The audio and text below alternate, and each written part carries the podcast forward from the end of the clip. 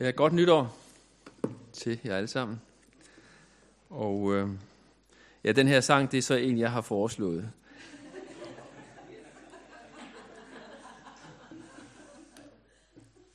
Det er en sang, som øh, hører til vort arvegods, og det er nok en sang, som trænger til at blive pusset lidt af. Den har nok ikke så meget en omgang øh, længere i, øh, i blandt os. Men når vi skulle synge den sang, så er det jo fordi, som vi også sang med hensyn til Bibelen, den her Bibelen er en gammel bog, så handler den øh, tredje sang her også om Guds ord som vores øh, grund at stå på og vores kraft i livet. Og det er det, som jeg tænker, de første kapitler, øh, i, i hvert fald i, i stor omfang, handler om. Lad os bede kort igen.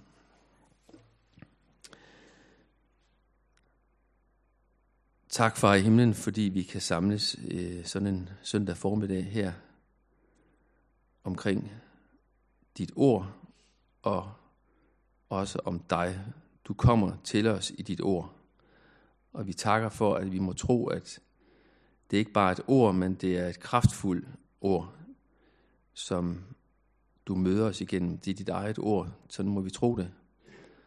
Og øh, derfor takker vi for, at du har givet os det, så vi kan orientere os efter det, falde tilbage på det, og sætte vores håb til det, du siger der.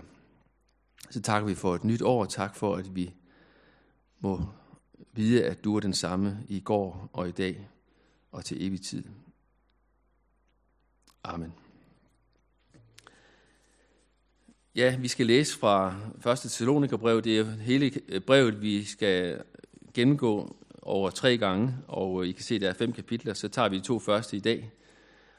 Og som det er, når vi gennemgår øh, sådan en tekst, så kan vi ikke nå det hele, men vi kan nå det, vi når. Og øh, jeg håber, at nu er klokken kvart i 11, at vi kan holde os inden for, eller jeg kan holde mig inden for en rimelig tidsgrænse. Jeg har fået en, en hilsen om, at det skal helst vare kun en halv time. Og det håber jeg også, at... Det synes jeg også at ideelt set er fuldstændig rigtigt. Men som vi skal gennemgå, synes jeg også, at vi skal læse den. Øh, det skal vi tage os tid til. Og I har en bibel at læse i, og det kommer også op her. Fra Paulus og Silvanus og Timotius til Thessalonikernes menighed i Gud Far og Herren Jesus Kristus. Noget være med jer og fred. Vi takker altid Gud for jer alle, når vi nævner jer i vores bønder, og uophørligt over for Gud og Far mindes jeres gerninger i troen, jeres arbejde i kærligheden og jeres udholdenhed i håbet til vor Herre Jesus Kristus. Brødre, I som er elsket af Gud, vi ved, at I er udvalgt, for vort evangelium kom ikke til jer blot med ord, men også med kraft og med helion og med fuld vidshed.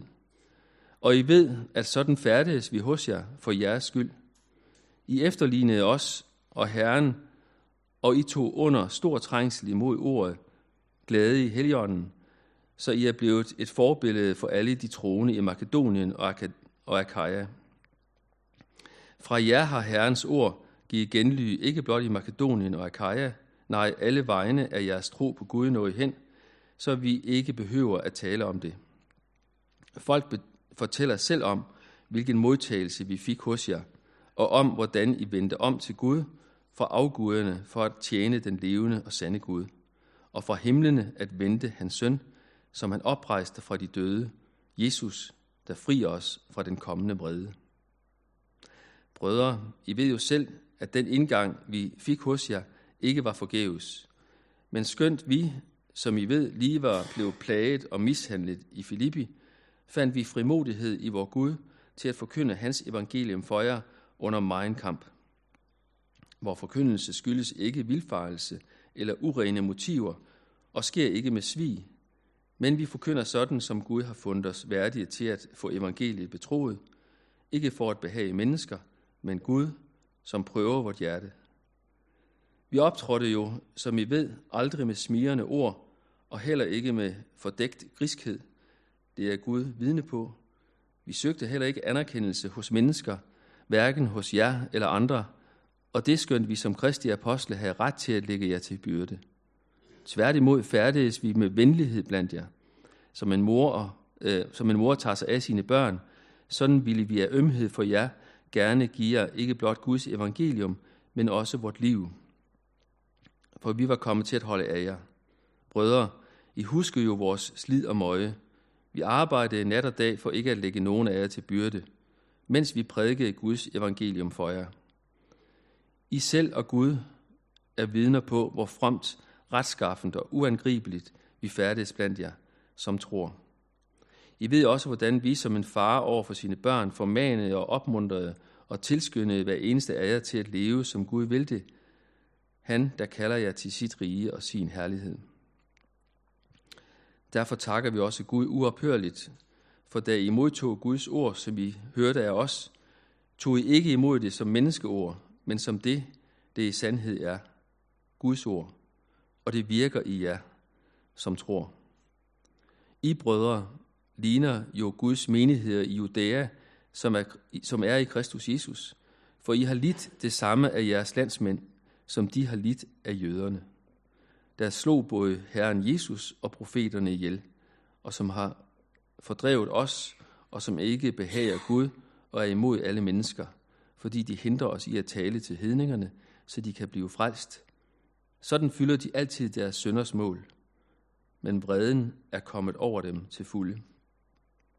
Brødre, for en tid er vi blevet bortrevet fra jer som vores børn, dog kun i det ydre, ikke i hjertet. Så meget mere ivrige har vi i vores store længsel været efter at se jer igen ansigt til ansigt. For vi har villet komme til jer, jeg, Paulus, indtil flere gange. Øhm, men Satan afskar øhm, os fra det. For hvem er vor håb, eller vor glæde, eller vor hederskrans over for Jesus, vor Herre, når han kommer, om ikke netop I? I er jo vor ære og glæde. Amen.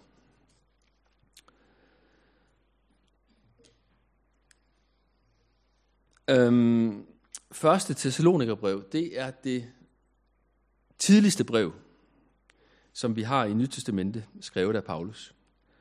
Og øhm, det er det ældste skrift i øh, Nyt Testamente overhovedet, efter hvad man siger. Det er skrevet før nogen af evangelierne kom i omløb. Det er nok skrevet omkring år 51 i begyndelsen af Paulus' toårige ophold i Korinth. Og bare den information, synes jeg, gør brevet interessant. Her møder vi altså den allerførste, det allerførste skriftlige vidnesbyrd af nye, øh, eller til nye kristne. Den er før Markus evangeliet. Markus evangeliet er også skrevet her omkring, men den er ikke kommet ud i, sådan i, de, i, de, i, de, i menighederne, helt ud i hjørnerne. Så det her, det er øh, efter sigende det tidligste skriftlige øh, oplæring af kristne efter Jesu opstandelse og himmelfart. Øhm, Thessalonika er den næststørste by i Grækenland i dag. Og den, øh, den ligger oppe i, øh, i det nordlige Grækenland. I kan se, hvor den ligger øh, deroppe. Den ligger som en havneby, centralt på vejen fra Rom og til Østen. Så det har været en, et, et centralt sted at også evangelisere. Og sådan tror jeg faktisk, at både Paulus og, og andre evangelister har tænkt meget strategisk omkring, hvor skal de hen med evangeliet. De skal steder hen, hvor der er stor øh, aktivitet, hvor der er stor trafik. Og det var der i, i Thessalonika. Paulus har selv været med til at danne menigheden omkring år 50. Han kom, og han var sammen med Silas og Timotius. Og så havde han en 3, 4, 5, 6 uger. Det er der tvivl om, hvor mange uger han var der. Øh, men efter få uger, så sætter forfølgelsen ind, og så må han øh, rejse videre. Han begynder i synagogen. Der står omtalt i Apostlenes Gerne, kapitel 17, de første vers der, hvordan han, hvilken indgang han har i, i den her by. Han begynder i stedet synagoge, hvor der er jo selvfølgelig mange jøder i forvejen. Øhm, og de bliver grebet af evangeliet, og ikke kun dem, men også græsktalende øh, jøder og andre, der bor i, i den her større by. Og øh, fra at have fået en fin indgang, så bliver stemningen hurtigt vendt til, at øh, man, bliver, man, man ser sig gal på, på Paulus og Silas.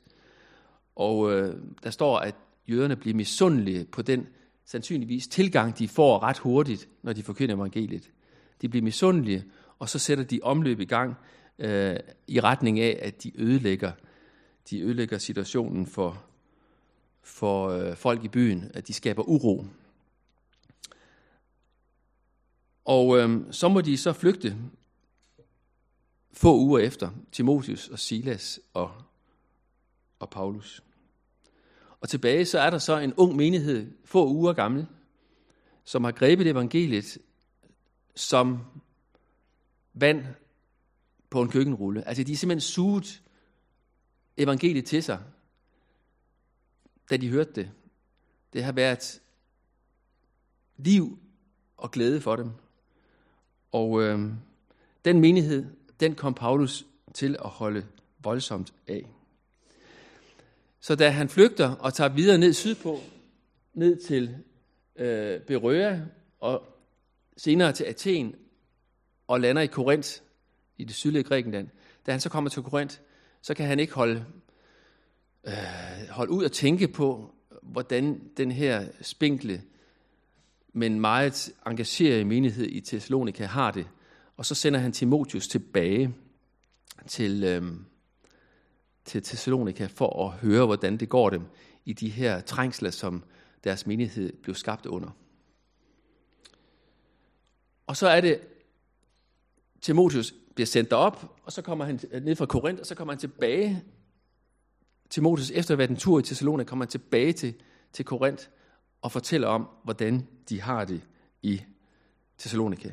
Og det opmuntrer Paulus rigtig meget, fordi Timotheus kommer tilbage og siger, at de er stadigvæk livskraftige, de står imod trængslerne, og der er allerede ry i egnen omkring, hvor, hvor, øh, hvor stærkt de, øh, de tror. Så har de mange spørgsmål, som enhver ny menighed selvfølgelig har. Og mange af de spørgsmål er så dem, Paulus tager fat i og vil svare på i det her brev til Thessalonikerne. Det er altså svar på konkrete spørgsmål. Ikke så meget i de her øh, vers, vi har læst i dag, men, men i hvert fald senere. Så vi kan sige, at brevet her er personligt faktisk. Ikke til den enkelte person i Thessaloniker-menigheden, men som menighed samlet. Han siger, at det er hans børn, det er hans kære, øh, hans allerkæreste øh, venner, som han har i den grad øh, sat, øh, kastet sin kærlighed på. Så det er sjælesørgeren Paulus. Øh, man siger, at brevet indeholder mere øh, sjælesorg, end den indeholder teologi. Øhm, og det kan man nok også fornemme, når man læser den. Der er ikke så mange læremæssige afsnit. Der er mange sådan inderlige, kærlige ord, der viser forholdet imellem en apostel, en evangelist, og så den menighed, som han har, har født, kan vi sige, eller Guds ånd har født ved Guds ord.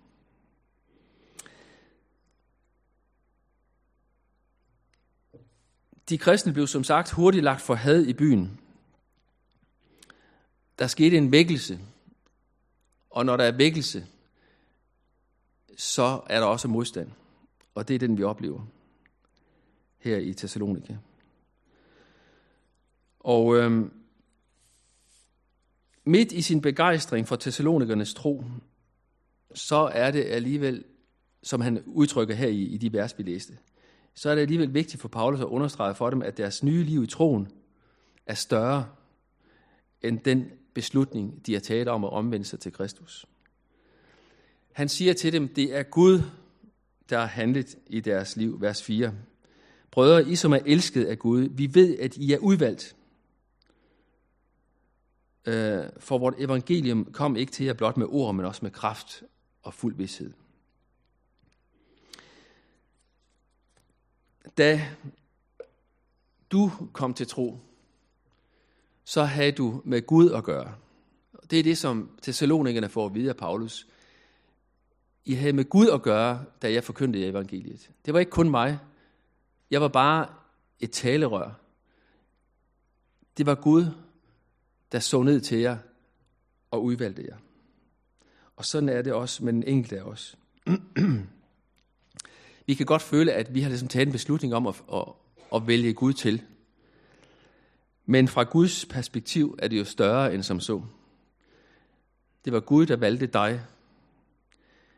Dit valg af ham er altid kun et svar på Guds udvælgelse af dig.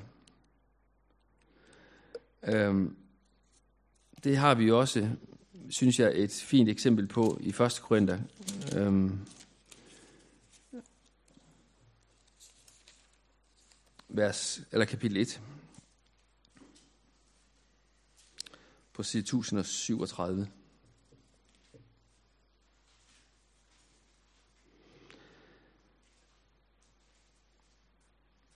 Der siger han til øh, korinterne, Paulus, altså hvor han er nu faktisk, men han også skriver til Thessalonikerne, der er han to år nede i Korinth, og derfor der skriver han så senere til korinterne, I var ikke mange vise i værtslig forstand, ikke mange mægtige, ikke mange fornemme, vers 26, så vers 27, men det, som er dårskab for verden og i verden, udvalgte Gud for at gøre de vise til skamme.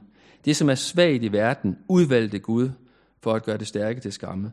Og det, som verden ser ned på, og som ringeagtes, det, som ingenting er, det udvalgte Gud for at gøre det, som er noget til ingenting. For at ingen skal have noget at være stolt af over for Gud. Altså nøgleordet her er jo, at Gud udvælger, at Gud giver. Nye Testamentet lægger aldrig op til spekulationer omkring det her med forudbestemmelse til frelse eller fortabelse. Det er ikke sådan, vi skal tænke på det med udvælgelse. Hvem har Gud valgt, og hvem har han ikke valgt ud? Nej, Gud har udvalgt alle, der hører evangeliet og kommer til tro på ham. De er udvalgt, fordi Gud har skabt troen i dem. Guds udvælgelse er simpelthen kristenlivets udspring og dens basis. Når vi tror, så er det altid, fordi Gud har givet os troen og givet os frelsen. Før verden blev grundlagt, har Gud i ham, altså i Kristus, udvalgt os til at stå helligere uden fejl for hans ansigt i kærlighed, siger han et andet sted. Så Guds vilje om at frelse dig går forud for al din aktivitet og udelukker derfor også alt selvros, som han siger. Altså, vi er valgt på tværs af, hvad vi kan. Gud har udvalgt det der dårskab i Guds øjne, eller i verdens øjne. Det, som er svagt, har Gud udvalgt. Han er ikke afhængig af, hvad vi kan i verden. Nej, han vælger fuldstændig suverænt og giver spædbarnet, alkoholikeren, overklasse, fyren. Han giver uafhængig. Alle afhængige af den samme nåde, og det er den, han, han giver til os alle, som vi kan gribe om i tro. Jeg tænker, at det er budskabet om Guds udvælgelse, at nåden måske står allerklarest. Det at du er udvalgt i Kristus, som ikke er et resultat af præstationer. Det er en hjælp i modgang og i anfægtelse, og når du tvivler. Du må aldrig være i tvivl om, at Gud har valgt dig til. Hvis man tænker på, kan jeg nu være et Guds barn, så må jeg aldrig tvivle om, jamen Gud har i hvert fald valgt mig til. Hvad er det så, jeg tvivler på? Gud har givet mig allerede før verden blev øh, grundlagt, frelsens gave i Kristus. Han har tænkt frelsen til mig, til alle mennesker, som vil høre og tro det. Alle, der vil høre og tro, er udvalgt. Så du kan, komme til, du kan ikke sige til et menneske, du møder, det er ikke sikkert, at Gud har udvalgt dig. Nej, for Gud har udvalgt os alle til frelse i Kristus.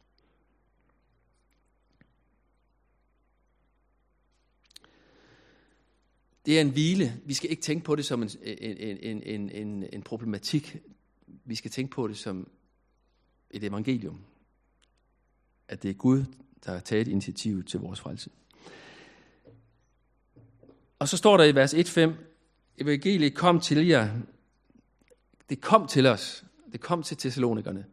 Læg mærke til, at det er ikke noget, som man arbejder sig hen imod. Jeg klatrede op, jeg gjorde det og det, så så jeg evangeliet. Det understreger, at Gud er den aktive, den handlende part. Paulus er kun formidleren af evangeliet, når ordet om Kristus forkyndes. Evangeliet det er ikke bare en formel tale, der holdes. Der er en reel kraft, som kommer i det ord, som er Guds ord, som er Jesu tale til os. Der er en reel kraft i det ord, fordi Guds, altså Jesus kommer sammen med ordet.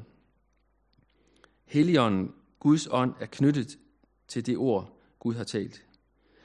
Så når Guds ord tales, så kommer det ikke i ord alene. Selvom ordene i sig selv selvfølgelig ikke er ligegyldige. Tværtimod, selve orden, ordene er jo evangeliets ydre form. Men det er helt afgørende, at ordet er et virksomt ord. At det har kraft.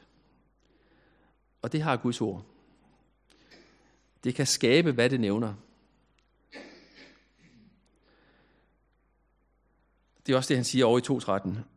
Vi takker Gud uophørligt, for da I modtog Guds ord, som I hørte af os, tog I ikke imod det som menneskeord, men som det, det i sandhed er, Guds ord, og det virker i jer, som tror. Vi må have den tillid til Guds ord, som vi også sang før, at det er et ord, der giver os noget. Både når vi føler det, og når vi ikke føler det. Fordi det er Guds talte ord. Det har en øh, det har Guds ånd med sig.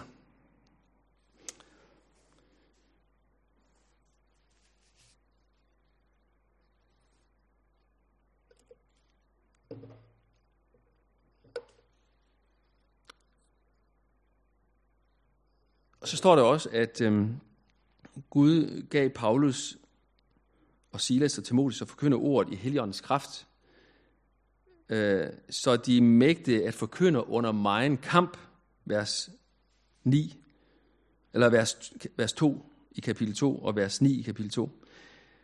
De er mægtige at forkynde under megen kamp og under slid og møje, til under disse vilkår at færdes fromt, retskaffende og uangribelige iblandt dem.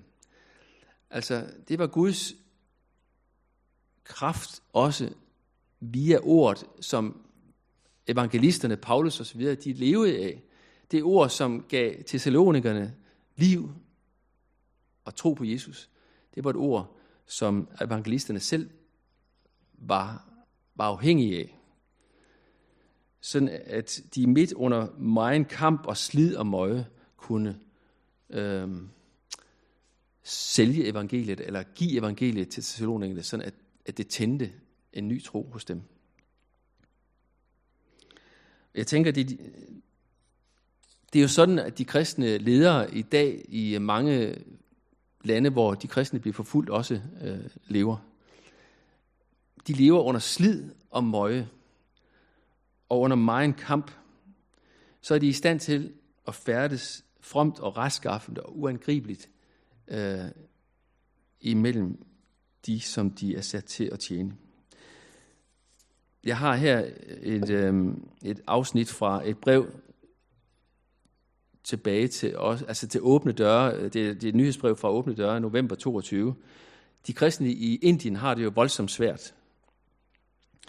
Altså, der er en nationalistisk, hinduistisk regering, som ønsker at skubbe muslimer og kristne ud af landet og gøre det så vanskeligt for dem som muligt, sådan at vi til sidst i Indien kun har en hinduistisk, nationalistisk trosretning. Og der står der sådan her, at kristne og muslimer lever mange steder i en atmosfære af konstant angst og alarmberedskab, fordi de aldrig ved om voldelige grupper på op til 100 af mænd pludselig går til angreb på dem og deres hjem. Det er altså nutid 2022-23. Og når det sker, får de ofte ingen hjælp fra politiet eller andre lokale myndigheder, da forfølgelsen af religiøse minoriteter ikke kun er systematisk. Den sker ofte også i et tæt samarbejde mellem lokale myndigheder og grupper af hindu-nationalister. Alt dette kan virke voldsomt og desillusionerende. Derfor har jeg lyst til at udbryde, vi må bede. Indiens millioner af kristne har brug for vores forbøn, så de kan stå stærke, urokkelige og ukulige midt i forfølgelsen. Det har vi talrige eksempler på, at de gør. Og grunden til, at de kan det, er blandt andet, at deres globale kirkefamilie bakker dem op i bøn. Talrige hinduer i Indien bliver helbredt, efter kristne har bedt for dem, hvorefter hinduerne og ofte også deres familier kommer til tro på Jesus. Tusinder af kristne indere kan ikke lade være med at fortælle om Jesus, og tusinder af indiske kristne forvandler gennem kærlighedshandlinger fjender til venner. For den forfulgte kirke er ikke en menneskelig organisation, men en levende organisme, fuld af Guds ånd og kraft. Dens ukulighed har sin rod i påskemorgen, da Jesus sprængte dødens lænker og opstod igen. Det er den samme opstandelseskraft, der er i de indiske kristne, hvilket historierne i dette blad, Åbne Dørs blad, vidner om.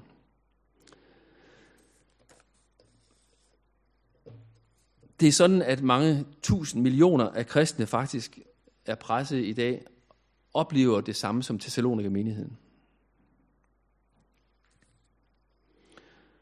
Men Gud kan udruste, sådan at det, der står tilbage, det er, at Gud er den, der handler her. Det kan ikke være anderledes.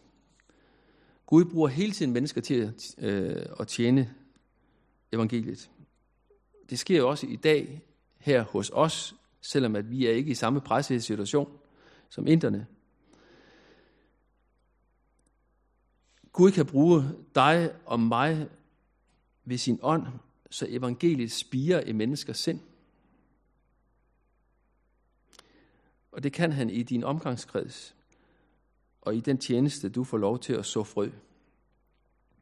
Gud kan bruge dig, fordi det handler om langt mere end dig, når du taler Guds ord. Det handler om, at ordet kommer med kraft. Der er en kraft forbundet med det ord, Jesus har talt, og Gud har talt. Og så er det vel at mærke ikke super, supermandsfølelsen, man nødvendigvis har, når man står i tjenesten. Læg mærke til, at det var under slid og møje, at Paulus stod med opgaven. Det var under i en, i en presse, i en presse øh, hverdag. Øhm,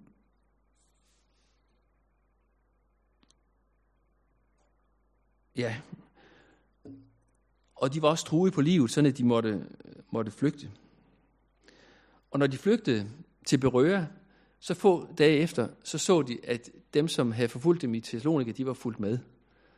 Og stod så igen og råbte efter dem. Det kan vi læse i Apostlenes Gerninger 17, 13. Så altså, forfølgelsen, man kan godt flygte fra en by til næste by, og så, så kommer forfølgerne med, og det er præcis det samme, vi ser også i dag.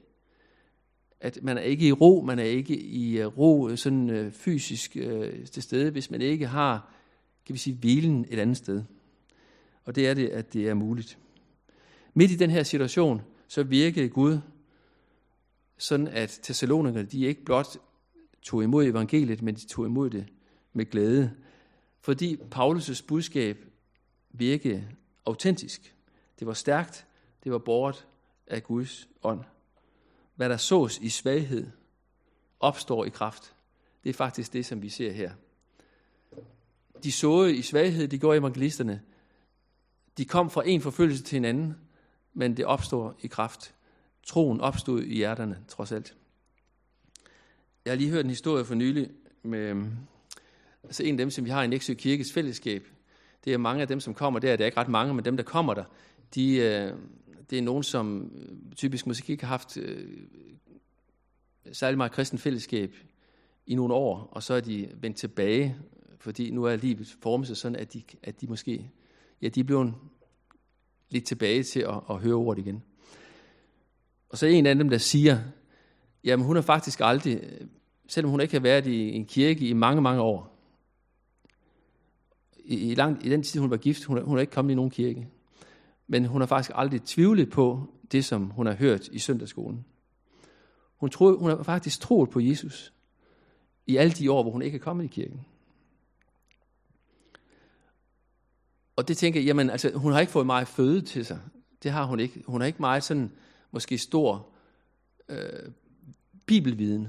Og alligevel har hun en grundlæggende viden om, at Jesus er frelseren. Det er i hvert fald, hvad hun siger.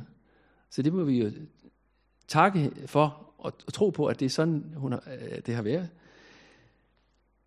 jeg tænker, det er sået i svaghed, men det opstår i kraft. Det er sået af søndagsskolelærer, men det er levedygtigt, og det opstår i kraft. Det, livet, det, det har livet i sig. Jeg tænker, det er, det er, der, der er perspektiv i det at så for børn. Fordi det, man får som barn, det ligger altså i hjertet. Det, ligger, det kan ligge et helt liv. Ikke for, ja, jeg skal ikke, det bruger for meget tid på det her. Øhm.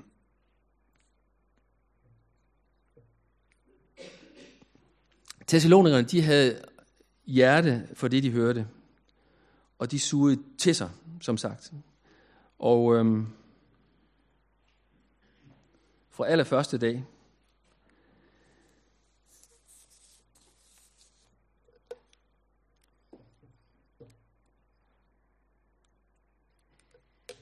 det, at de var sultne, det betød også, at de øh, havde appetit på Guds ord.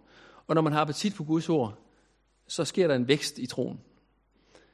De spiste, selvom at Paulus rejste efter 5-6 uger, så spiste de af det, han, de havde, han, at de havde fået at vide, og de opbyggede hinanden igennem det, de havde hørt, og så voksede de i troen.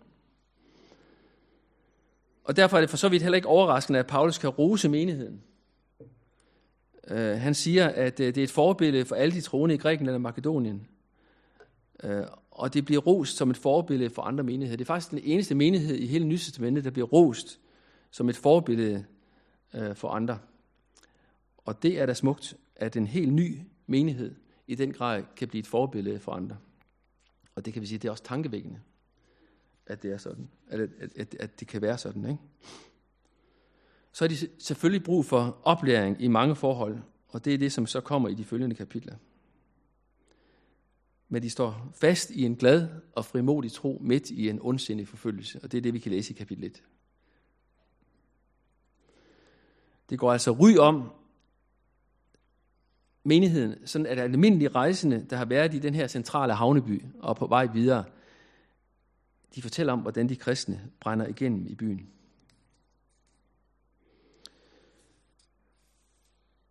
Paulus han kommer fra Filippi, og vi kan huske, at Filippi det var en menighed, som... Øh, eller det, det var, i Filippi, der, der øh, endte Silas og Paulus i fængsel. Der opstod også en, en, en, en uro i byen, og de røg i fængsel, de blev pisket. Så røg de i fængsel, og i fængsel, der sad de om natten og sang lovsange til Gud. Øh, Filippi, det er jo en, det er jo den der, der ligger lige øh, nord for Thessalonika. Så de kom altså fra en by, Filippi, og kom til Thessalonika. Og der var de lige blevet fængslet, der havde I set i fængsel, og havde sunget lovsange. Og midt under øh, det her fængselsophold, så kommer en Guds engel og, og øh, sætter dem fri. Og fangevogteren bliver bange, og han siger, at jeg vil, han vil til at slå sig selv ihjel. Men, men Paulus siger, stop, vi er her alle sammen. Og den nat, der bliver fangevogteren omvendt, og hele hans hus, og de sidder og spiser morgenmad i huset, hele familien, øh, sammen med Silas og Paulus, og, og, og de er glade, fordi de kom til tro på Jesus. Og så går Paulus ud og siger, jeg vil have en undskyldning for, at jeg blev pisket som romersk borger. Jeg blev pisket øh, uden grund, og den undskyldning får han så. Og så rejser han videre til Thessalonika. Det før. Den ene by efter den anden, det er usædvanligt i dag, men det er ikke usædvanligt sådan i kirkens historie, at det er sådan, det er. Som jeg lige nævnte, i Indien er det sådan i 2023. Det er faktisk mere mærkeligt, at vi som kristne i Danmark har haft så lange tider, hvor vi ikke er blevet forfulgt. Det er mere normen, at de kristne bliver forfulgt, end det er modstand, end det er undtagelsen. Det er mere, det er mere reglen, end det er undtagelsen.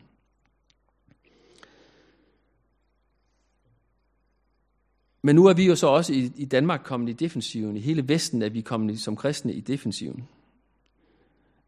Vil jeg mene på mange områder, i hvert fald sådan lovgivningsmæssigt. Og vi ser modstanden mod kristen moral og kristen menneskesyn vokse. Vi ser også modstanden for eksempel på uddannelsessteder, at man ikke må holde andagter på gymnasier osv. længere også et udtryk for, for en voksende modstand imod øh, aktiv kristen øh, forkyndelse. Hvordan få frimodighed til at forkynde Jesus og leve troen ud? Hvor fik Paulus frimodigheden fra?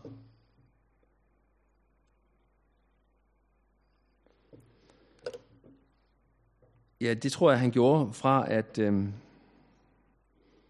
at han vidste netop, at evangeliet, det var ikke hans egne ord, men det var Guds kraftfulde ord, han såede. Igen kapitel 2, vers 13. Og menigheden, de oplevede, at det var sandt.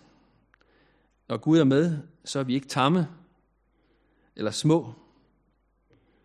Så er der, kan vi sige, en kraft i ordene.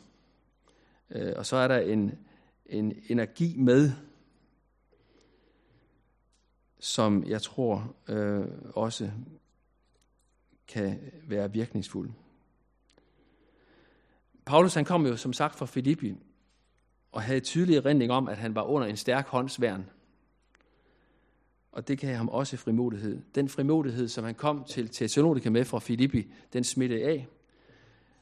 Og Thessalonikerne, de efterlignede Paulus og stolede på, at han talte sand. Satte håb til Paulus' ord. Og så blev de også modige. Her ser vi, hvad det gode eksempel kan, kan fremvirke. Og så bruger Paulus i kapitel 2 en del ord på at understrege for Thessalonikerne, at de ikke øh, skal lade sig løbe over ende af forkyndere, der kommer med egoistiske motiver. Sådan var der mange af, sådan, der var mange af den slags i den, ikke mindst den tidligste øh, kirke. Og Paulus han bruger sit eget liv som eksempel og siger, se på mig, hvordan jeg optrådte blandt jer. Øh, jeg gjorde det ikke for personlig vindings skyld. Jeg kæmpede nat og dag for at vinde jer for evangeliet. Og det her i Thessalonikerne helt sikkert øh, givet ham ret i, at de havde gennem prøvelser øh, oplevet, at øh, det som Paulus sagde og det han gjorde, at det stemte overens. På den måde der er der en stor vidnesbyrd i en forkynders, øh, i en kristens adfærd. Det har en enorm smitteeffekt. Det er beskæmmende at tænke på, hvor meget adfærd betyder, når vi sådan tænker på, hvor, der, hvor ofte vi øh,